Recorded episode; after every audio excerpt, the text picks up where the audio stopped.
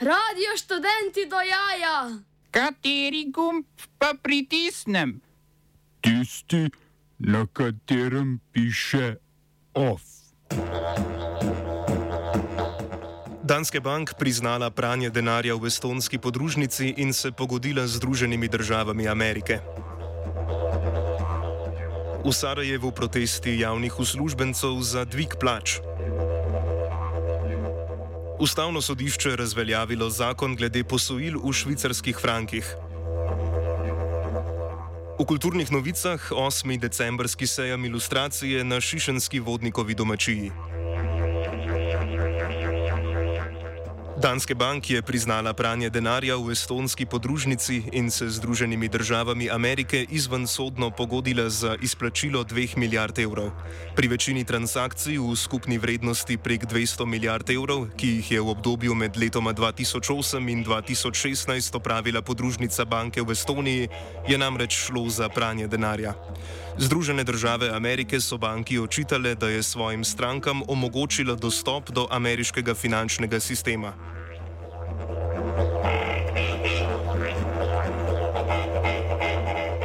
Ukrajinski parlament je sprejel zakon o regulaciji medijev. To vključuje daljnosežna pooblastila za nacionalni radio-televizijski svet, ki bo lahko ponovem v primeru ponavljajočih se kršitev pravil začasno blokiral objavo vsebin neregistriranih medijev, ne da bi o tem odločilo sodišče.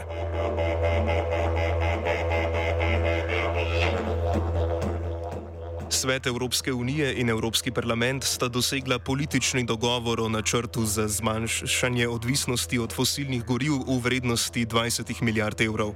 Služil naj bi končanju odvisnosti od uvoza fosilnih goriv, ki prihajajo večinoma iz Rusije. Po njegovem sprejetju bodo članice Unije v svoje načrte za ukrevanje in odpornost lahko dodale investicije, med drugim za povečanje uporabe obnovljivih virov energije, energetske učinkovitosti in zmogljivosti za shranjevanje energije. Kljub promociji dogovora kot zelenega pa bodo v sklopu načrta lahko financirane tudi investicije v naftno infrastrukturo. Predlagano morata sicer Svet Evropske unije in Evropski parlament še potrditi.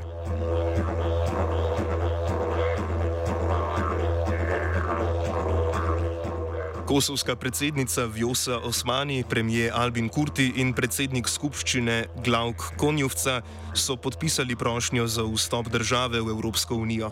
Sicer gre za bolj simboličen korak, se jih čaka na poti do priključitve še kar nekaj over. Med drugim pet članic Evropske unije Kosova sploh ne priznava kot samostojno državo.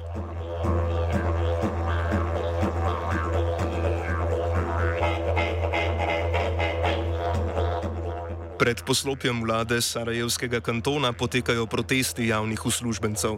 Sklicani so bili zaradi odločitve vlade, da ne izplača obljubljene enkratne pomoči javnim uslužbencem, med drugim zaposlenim v šolstvu, predšolski vzgoji, kulturi, socialni oskrbi, policiji in na notranjem ministrstvu.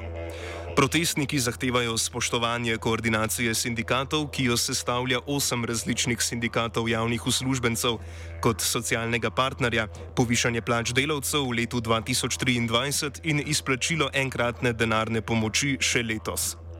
Protest se je začel s petjem himne in nadaljeval z izžvižganjem predstavnikov vlade, prišlo pa je tudi do fizičnega napada na predsednika kantonalne vlade Edina Forta.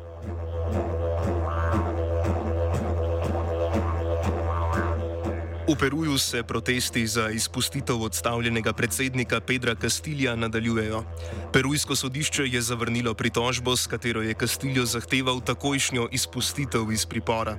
Kot smo poročali včeraj, Castillo ostaja v priporu zaradi nezakonite razpustitve parlamenta in poskusa uvedbe državnega upravljanja z odloki, za kar ni imel pooblastil.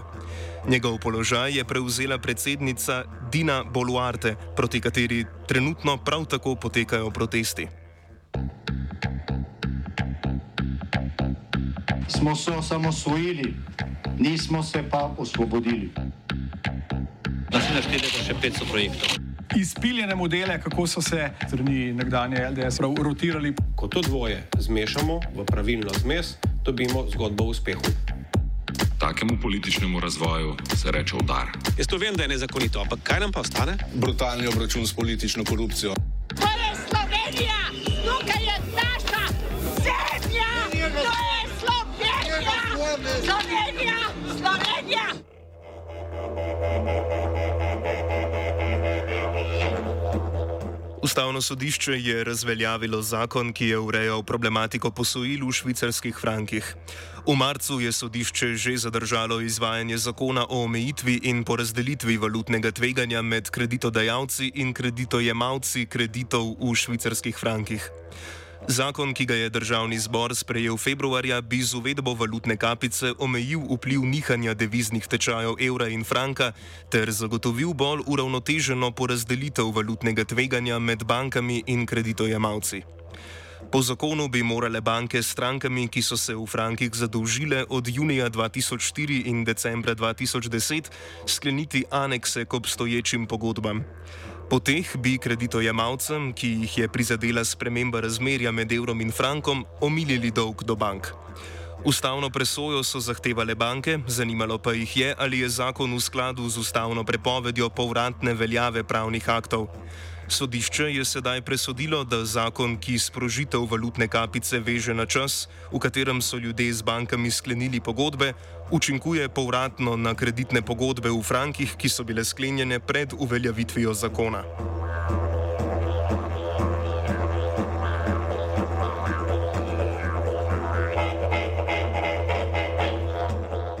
Državni zbor se je seznanil z odstopom notranje ministrice Tatjane Bobnar. Po javnem razkritju pritiskov premijeja Roberta Goloba na ministrico in vršilca dolžnosti generalnega direktorja policije Boštjana Lindava se je Tatjana Bobnar od državnega zbora poslovila z besedami sicilijanskega sodnika Giovannija Falconeja, ki ga je leta 1992 z avtobombo ubila korleonska mafija. Moj mandat se danes zaključuje.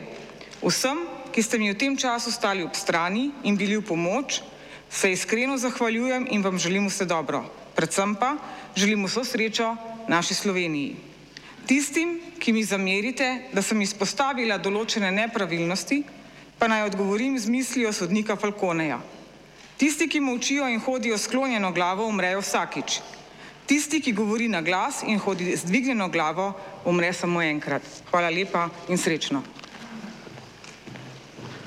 Hvala lepa ministrici za obrazložitev. V zvezi s tem državni zbor na podlagi 115. člena Ustave Republike Slovenije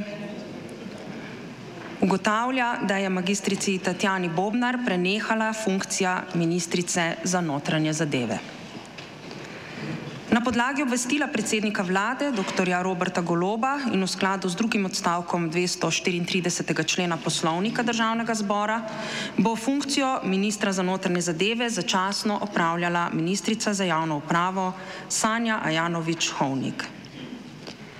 Čeprav je ni več, je že odšla, se magistrici Tatjani Bobnar zahvaljujem za sodelovanje in ji želim vse najboljše pri nadaljem delu. Zadnjo besedo v prvi groteski nove vlade je seveda imel premije. Veste, čem je razlika med gibanjem Svobodo in vsemi ostalimi vami? Da mi nikoli ne nastavljamo nikogar strankarsko izkaznico. Še najmanj. Prosim za mir, prosim, resnično za mir. In ko boste pregledali seznam, ki ne vem, kdo ga je posredoval ven, zagotovo ne mi, o 67 zamenjavah ali pa nekaj podobnega v policiji.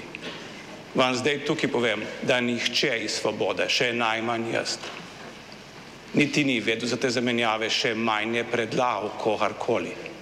Niti eno ime, niti eno ime, kdo naj bo imenovan ali na katerokoli funkcijo, ne v policiji, niti ne na MNZ-ju ni prišlo iz nikjer drugje kot izključno strani ministrice. In bom zdaj izkoristil priložnosti, sem mu tudi sami zahvalil, zaradi tega, ker njeno delo v zadnjih petih mesecih in pol je bilo eksemplarično. Mi smo bili vsi ponosni na to. Jaz sem bil ponosen, poslanska skupina je bila ponosna, cela vlada je bila ponosna na to, kar ministrica, poč ministrica počne. Vsi smo ponosni. Tu, tu, tu, tu, tu. Vsi smo ponosni. Tu, tu tup, tup, tup, na deklice in dečke, tup, tup, tup, tup, na fante in dekleta, tup, tup, tup, tup.